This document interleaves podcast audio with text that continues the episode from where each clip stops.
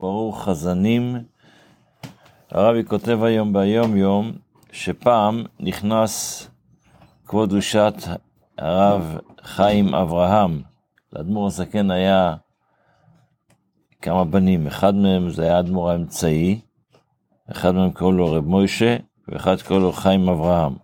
אז, אז חיים אברהם, הבן של האדמו"ר הזקן, נכנס פעם אל אחיו, האדמו"ר האמצעי, בחג הפסח.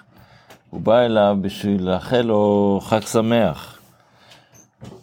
אז סיפר רב חיים אברהם, לאח שלו כנראה, שהאדמו"ר הזקן אומר שבפסח לא צריך לכבד אחד את השני באכילה בשתייה, אבל בן אדם, ש... זאת אומרת, אם אתה בא לבית, למישהו אחר, אתה לא צריך, המארח, לא צריך לכבד אותו, אבל האורח יכול, הוא רעב, הוא יכול לגשת לפרישדר, לקחת אם הוא, אם הוא רעב, אבל לכבד אחד את השני לא מכבדים ב...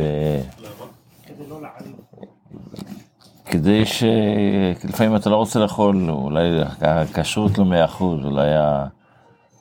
אולי יש, יש שידורים נוספים שבני אדם עושים בפסח, שזה לא עניין של כשרות אפילו, זה עניין של אה, הידור. לפעמים בן אדם יעלה, מה אתה יותר, יותר צדיק ממני אתה. אז מי שרוצה שיהיה פתוח להחליט בזה. בספר המצוות לומדים היום את המצווה ה...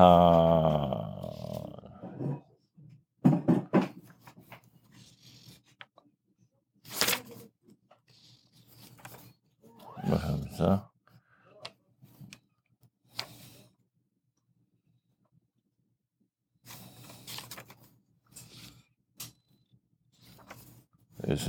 לומדים על המצווה של עדים זוממים, את המצווה המשלימה של 180. שזה שהקדוש ברוך הוא מצווה עלינו שנצטווינו להעניש את העדים שהעידו בשקר, זאת אומרת עדים זוממים שלמדנו עליהם אתמול גם, אז העדים זוממים, אם הם זה לעשות, מה שהם ביקשו לעשות, לתפור את התיק לחבר שלהם או למישהו, אז העונש הוא עליהם, שכתוב עשיתם לו כאשר זמם לעשות לאחיו. וזה דין עדים זוממים. ואם העידו להוציא ממון, אם רצו לתפור תיק להוציא כסף ממישהו, נוציא ממנו כמוהו. ואם העידו על מה שמחייב מיתה, אז נמיתם באותה מיתה. ואם העידו על מה שמחייב למלקות, אז מלקים אותם. ונתבהר כל הדינים של מצווה זו, והשאלות שנתחדשו בה, כיצד יתקיים העדים יהיו זוממים, ונדון אותם באותם הדינים, כתוב כל זה מופיע במסכת מכות. בתפילה אנחנו בשיר של יום של, של, של, של יום השבת. אז אנחנו אומרים, אחרי שאנחנו אומרים ותרם קראם קרני, ולא תיבשמן רנה, שלמדנו את זה אתמול, אז הפסוק הבא זה ותבט עיניי בשוריי, הבן אדם מסתכל באלה ש... שקמים עליי מרעים, תשמענה אוזניי. אני באמת שם לב, זאת אומרת, האדם שם לב לפרטים שיש אנשים שיש להם תפקיד, שהם זוממים להרע למישהו אחר, אז שם לב לזה. אבל מה אתה רואה? שאיך הקדוש ברוך הוא בעצם בסופו של דבר מטפל בהם, מעניש אותם.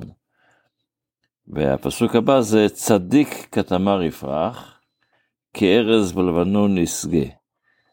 אז יש פה דבר מעניין בפס, בפסוק הזה. כשמופיע לפני זה, באותו פרק, מופיע בפרוח רשעים כמו עשב, אז מופיע רשעים לשון רבים. ואצל צדיק כתוב צדיק אחד. אז חז"ל אומרים לנו שזה בגלל, יש פחות צדיקים מאשר רשעים, אז בצדיק זה בלשון אחד. ואצל רשעים זה ברבים.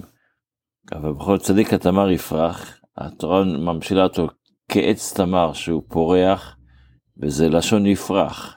מי ששם לב, הפסוק שהזכרתי קודם, בפרוח רשעים, כתוב בפרוח.